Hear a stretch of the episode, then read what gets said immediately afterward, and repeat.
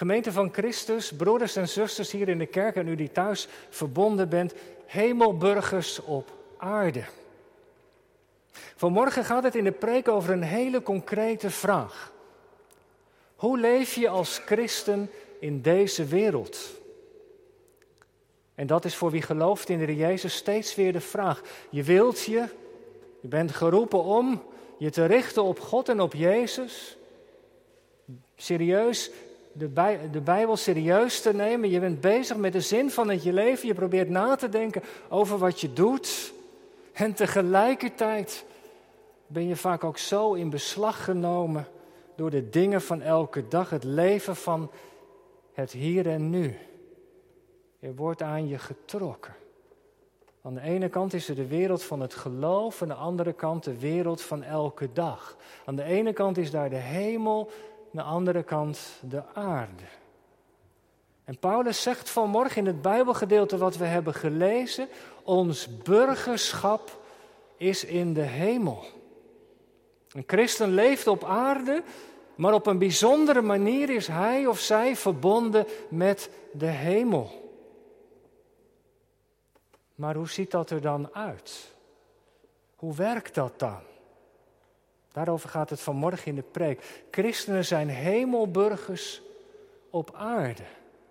En wat Paulus in deze versen die we hebben gelezen en die ik zo nog wat ga uitwerken schrijft, dacht ik, kun je misschien het beste vergelijken of duidelijk maken met het voorbeeld van een vertegenwoordiger.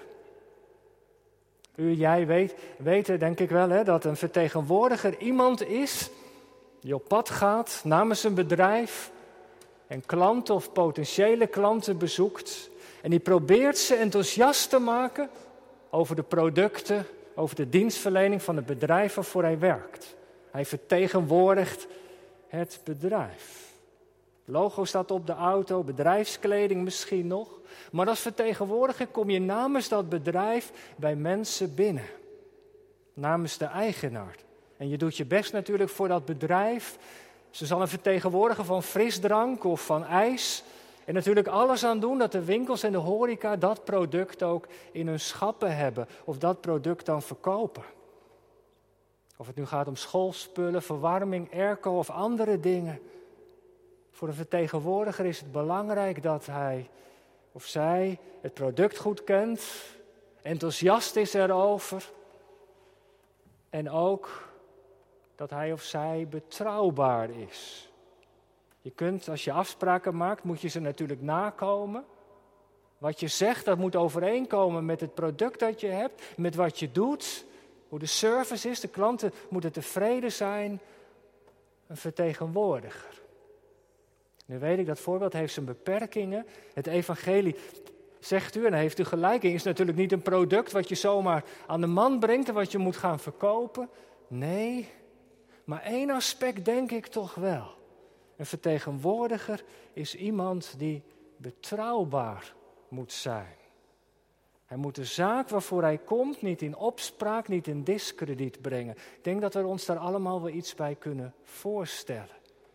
Door slordig te zijn, de afspraken niet na te komen, door het product zelf af te kraken.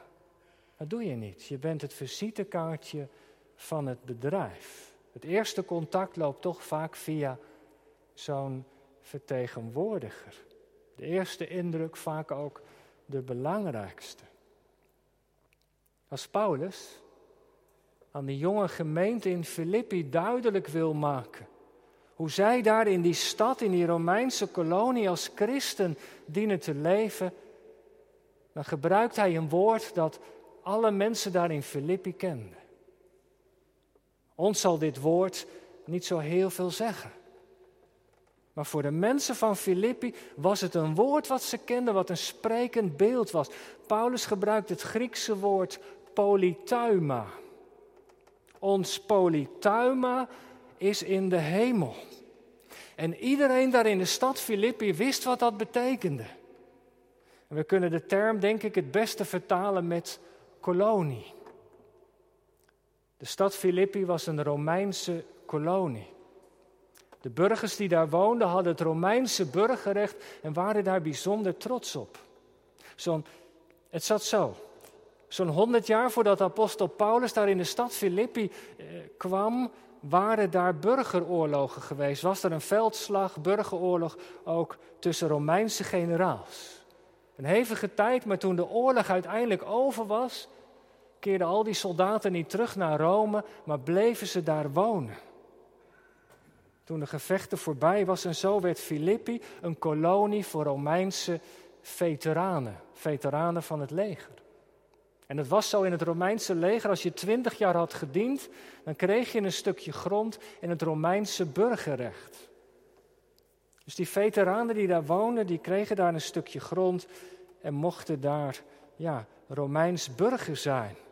En die keizers hadden het goed bekeken, want die, die zorgden ervoor dat al die veteranen het liefst in kolonies aan de randen van een grote rijk woonden.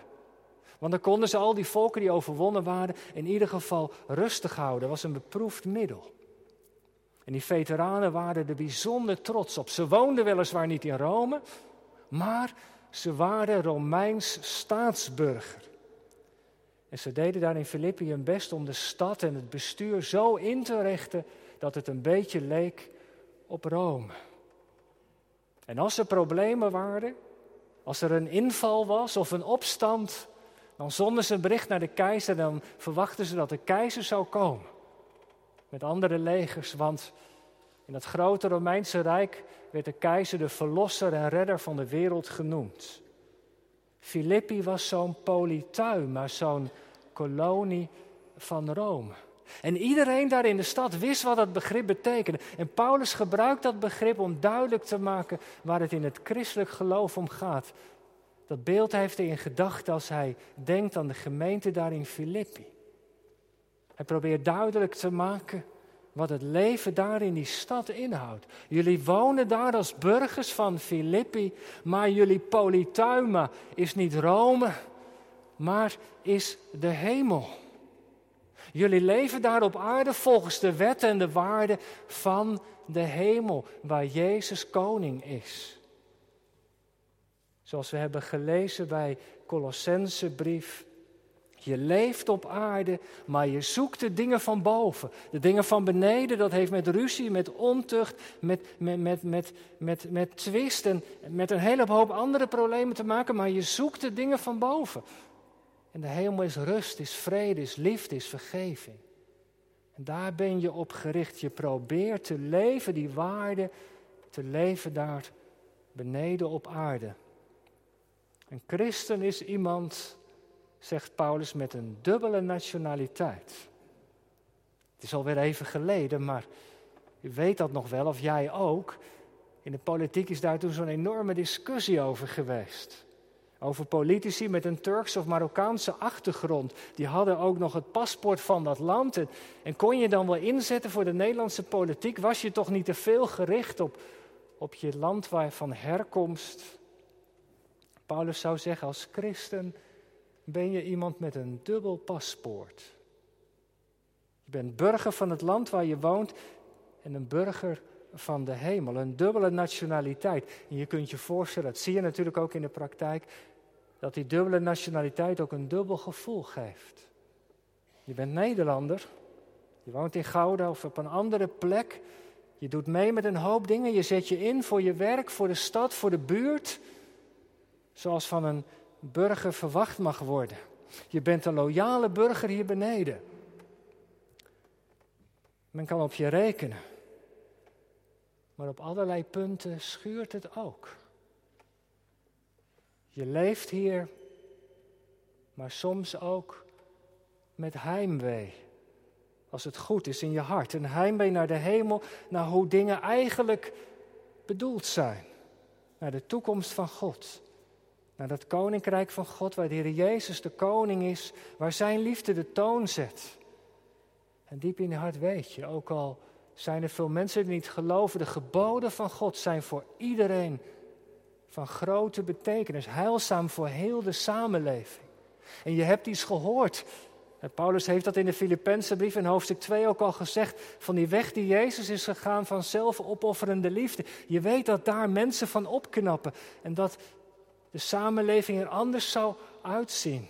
Als mensen is bereid waren om van hun troon af te stappen en te dienen. Je weet van het vaderland van God. En het schuurt soms. Als je leeft hier op aarde, als je ziet hoe sociale media mensen elkaar afbranden, conflicten zijn. Natuurlijk zijn er een hoop mooie en goede dingen. Maar helaas is vaak het negatieve wat de toon zet. Er is onrecht, er is gebrokenheid. En ik weet niet hoe dat bij u of jou is, of, of u die thuis meekijkt of meeluistert. Herken je dat? Dat je soms in je hart in een bepaalde situatie iets van heimwee hebt? En je denkt, maar, maar zo is het leven niet bedoeld. Het koninkrijk van de Heer Jezus. Daar is liefde en vrede, daar is geen zonde, geen gebrokenheid. Daar worden de dingen rechtgezet. Wat verlang ik ernaar dat het doorbreekt? Herken je dat soms niet?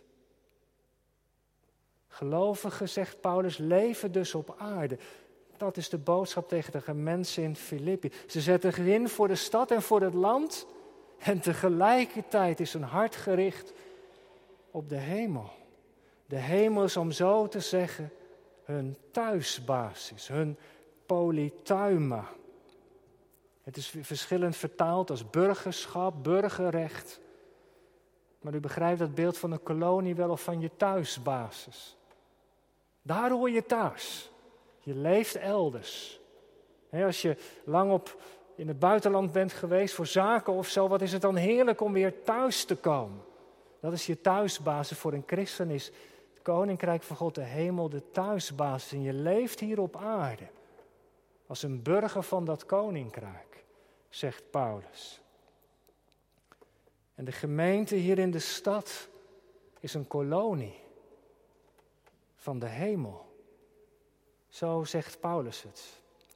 En weet ik wil hier even een opmerking maken, een beetje misschien maar tussen haakjes. Maar ik wil het toch wel gezegd hebben vanmorgen. We zien in deze tijd van corona met al die beperkingen ontzettend veel activiteit. Allerlei nieuwe initiatieven staan op en we plukken, daar ook de vruchten van. Hoe mensen met de techniek bezig zijn, hoe dat allemaal in korte tijd functioneert, zijn we dankbaar voor. Maar er is één gevaar.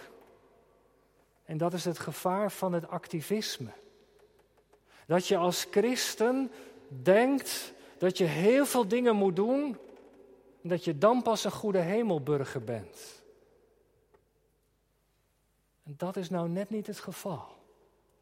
Je identiteit, wie je bent, hangt niet af van alle dingen die je doet, maar van het feit dat je Christus kent. Tenminste, als je gelooft en met Hem verbonden bent, dan ben je Zijn eigendom en dat is wie je bent. Door het geloof maakt God je tot een hemelburger. En je identiteit ligt met Christus verborgen in God, zegt Paulus. Dat is wie je mag zijn door genade. En dat hangt niet af van wat je allemaal doet. Nee. En misschien is het goed om dat vanmorgen maar weer eens een keer te benadrukken. Dat we met elkaar, ik zeg het wat ouderwets, maar hopelijk mogen rusten in het volbrachte werk van de Heer Jezus, in wat Hij voor ons heeft gedaan. Dat is het allerbelangrijkste. Door, door het geloof mogen we met Hem verbonden zijn. En als zodanig, als zijn eigendom, leef je hier op aarde. En zoek je de dingen van Hem. Maar het is niet zo dat je door veel dingen te doen een hemelburger wordt. Dat hangt van het geloof af. En dat mag soms ook echt iets van rust of ontspanning geven. En ik hoop dat u dat begrijpt. Hemelburgers op aarde. Maar dat is natuurlijk wel spannend. Want dat is ook de vraag die Paulus vanmorgen naar ons laat. Zijn we wel op de hemel gericht? Of leven we alleen in het hier en nu? Zijn we alleen maar met de tijdelijke dingen bezig of ook met de dingen van de toekomst van God? En die vraag legt Paulus in het Bijbelgedeelte van morgen voor ons neer. En hij doet dat op zijn Paulus. Heel scherp. Als een soort wake-up call. Er zijn namelijk, zegt hij, mensen die, ja, er zijn mensen die niet geloven, dat weten we. Die hebben, om zo te zeggen, niet zoveel met de Heer Jezus en zeker niet met het kruis. Maar er zijn er christenen die leven, zegt hij, als vijand van het kruis. Hemelburgers en toch een vijand van het kruis. Hoe kan dat? Nou, dat moet Paulus wel even uitleggen. Allereerst het kruis. Kijk maar even mee naar de tekst. Filippenzen 3. Zij wandelen als vijanden, vers 18, van het kruis van Christus. En dan moet u weten dat het woordje kruis voor Paulus heel veel omvat. Het is voor hem een samenvatting van het evangelie. Dus eigenlijk als het ware een, een soort cadeau of een verpakking, een doos die je moet uitpakken en er zitten allerlei dingen in. Allereerst dat de Heer Jezus gestorven is om de vloek van de zonde te dragen en onze schuld met God te verzoenen. Er zit ook in dat als je bij de Jezus hoort dat je niet leeft zoals je dat zelf alleen maar fijn vindt. Je oude mens, zegt Paulus, wordt met hem gekruisigd. Je gaat nu vragen, Heer, wat wilt u dat ik doe? Er hoort bij dat je verleden niet het laatste woord heeft, maar dat je door genade mag opstaan in het nieuwe leven van de Heer Jezus. Het betekent dat je de Heer Jezus volgt, je kruis draagt. Nee zegt tegen dingen die niet passen bij de weg van Jezus. Dat je loslaat wat niet goed is. Kruis betekent dat je door zijn dood het leven hebt. Al die dingen zitten voor Paulus in dat ene woordje kruis. Maar hoe kun je nou als vijand van dat kruis leven? Nou, hij zegt er nog iets bij. Hun buik, ze hebben, volgende vers, hun einde is het verderf, het loopt niet goed met ze af. Hun God is hun buik, hun eer is hun schande, ze bedenken aardse dingen. En dat kun je op twee manieren concreet maken. Op een makkelijke manier en op een moeilijke manier. Eerst een makkelijke manier. Je kunt het namelijk direct doorvertalen naar een losbandig leven. Daar kunnen we natuurlijk allemaal iets bij voorstellen. Van je God een buik maken. Ja, mateloos eten en drinken. Je alleen maar druk maken om genot en plezier. Elk weekend ben je verdoofd. Het dagblad Trouw de hele serie interviews gehad met mensen die van de alcohol zijn afgestapt. En die zeiden, het hele weekend was ik verdoofd. Je eer stellen in schande, je eer dat gaat over de geslachtsorganen. Dat je zomaar je seksualiteit uitleeft. En na een feestje ga je met iemand naar bed, de ene relatie met de andere, ontrouw, vreemd gaan, al die dingen. Ja, denkt u, dat is natuurlijk wel een beetje veilig misschien. Als we het zo concretiseren, gaat het over andere mensen, maar dan blijft het nog ver bij ons vandaan. Nou, het gaat ons als christelijke gemeente helaas ook niet voorbij.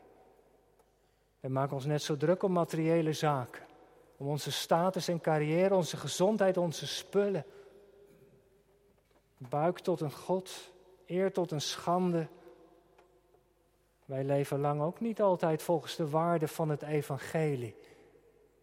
Geheel anders? Helaas heel vaak niet. En natuurlijk, Paulus zegt niet dat je van de dingen niet mag genieten. Maar ik denk dat apostel Paulus vanmorgen aan ons zou vragen, broeders en zusters, heb je ook heimwee naar de hemel?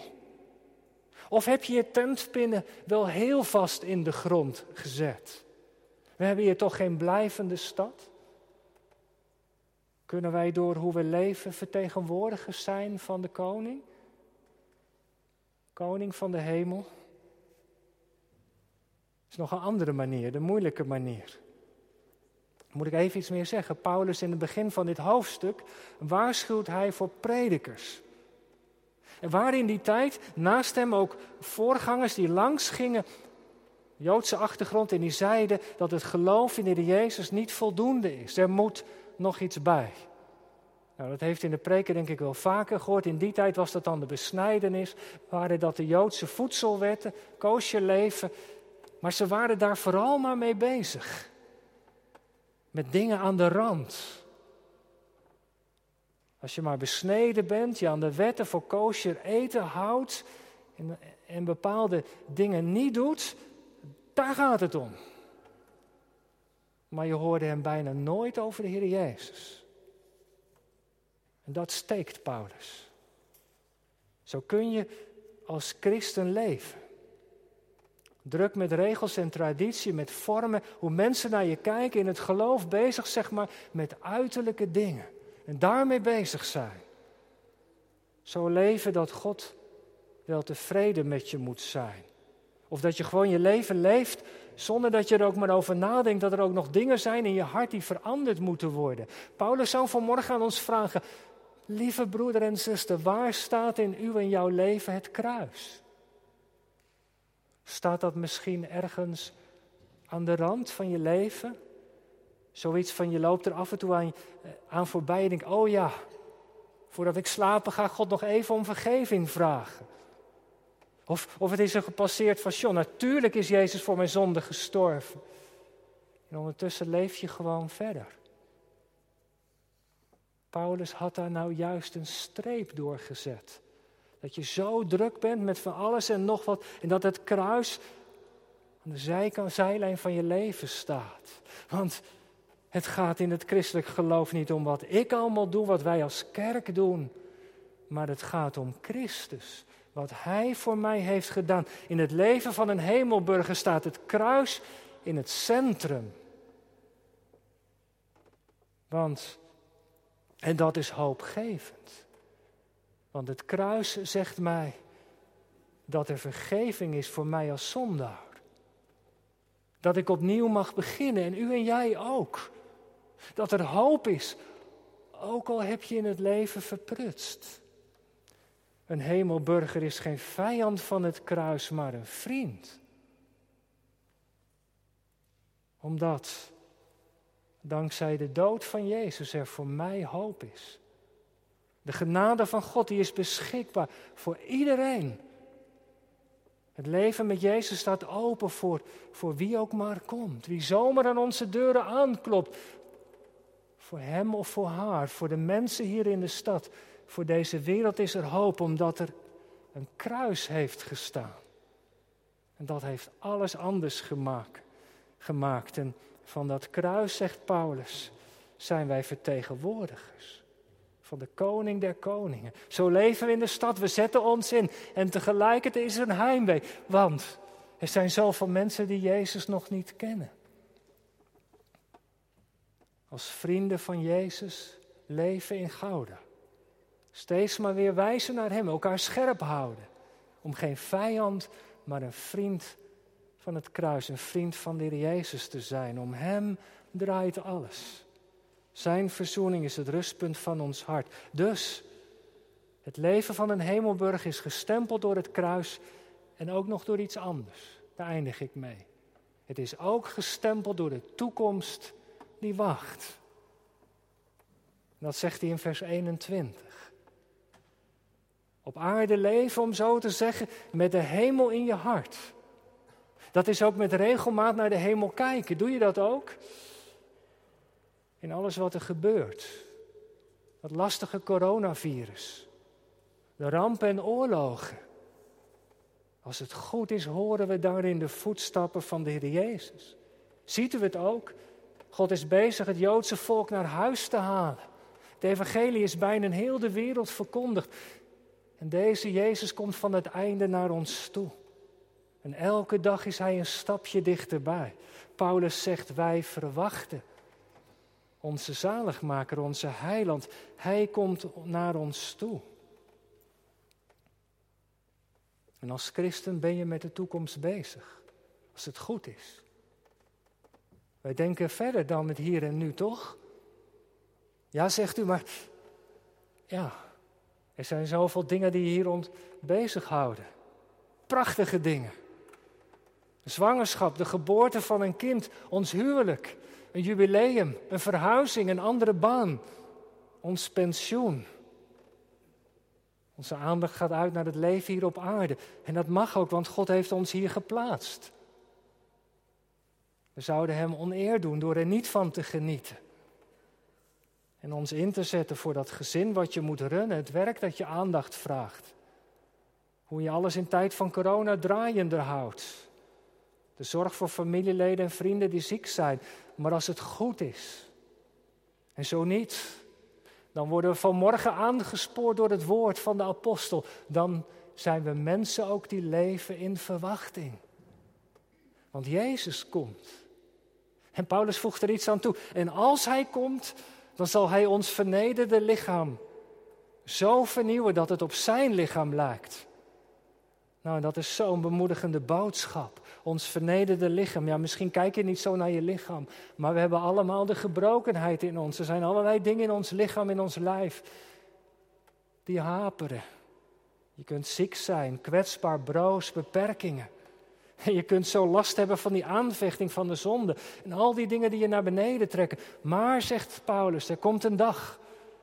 En dan komt Jezus en dan zal die je leven vernieuwen. Dan zijn die beperkingen die worden opgeheven door de kracht van de geest. En heeft u niet, als je door de stad fietst of wandelt, als je thuis zit, dat je soms overweldigd wordt door zo'n gevoel van verlangen? Ik was van de week op bezoek bij een ouder echtpaar. Het ging in een gesprek over de toekomst die steeds dichterbij kwam. Zomaar even over het hemelse Jeruzalem. Dat uit de hemel neerdaalt en tranen welden op. Wat zal dat toch zijn, dominee, als Jezus komt en de hemel werkelijkheid wordt? Jawel, ik weet er is hier nog genoeg te doen. Zeker. Maar laat de verwachting alstublieft niet doven. En elke morgen als ik weer de gordijnen open doe en ik heb weer levenslicht gekregen, kijk ik naar buiten en zeg ik tegen mezelf, is dit de dag, Heer Jezus, dat u komt? En dan ga ik weer verder aan het werk. En doen we wat onze hand vindt om te doen. Maar zo kunnen we ons oefenen in het leven van verwachting, want Hij komt en zal alles nieuw maken. En Paulus zegt, lieve mensen daar in Filippi, houd die verwachting levend. Leef daaruit het kruis en de hoop. Twee kernpunten in het geloof. Zie uit naar die dag dat God alles nieuw maakt. En tot die tijd mag je inzetten en doen waartoe God je heeft geroepen. Zo leef je als hemelburger op aarde met de hemel in je hart. Dankzij de Heer Jezus. Amen.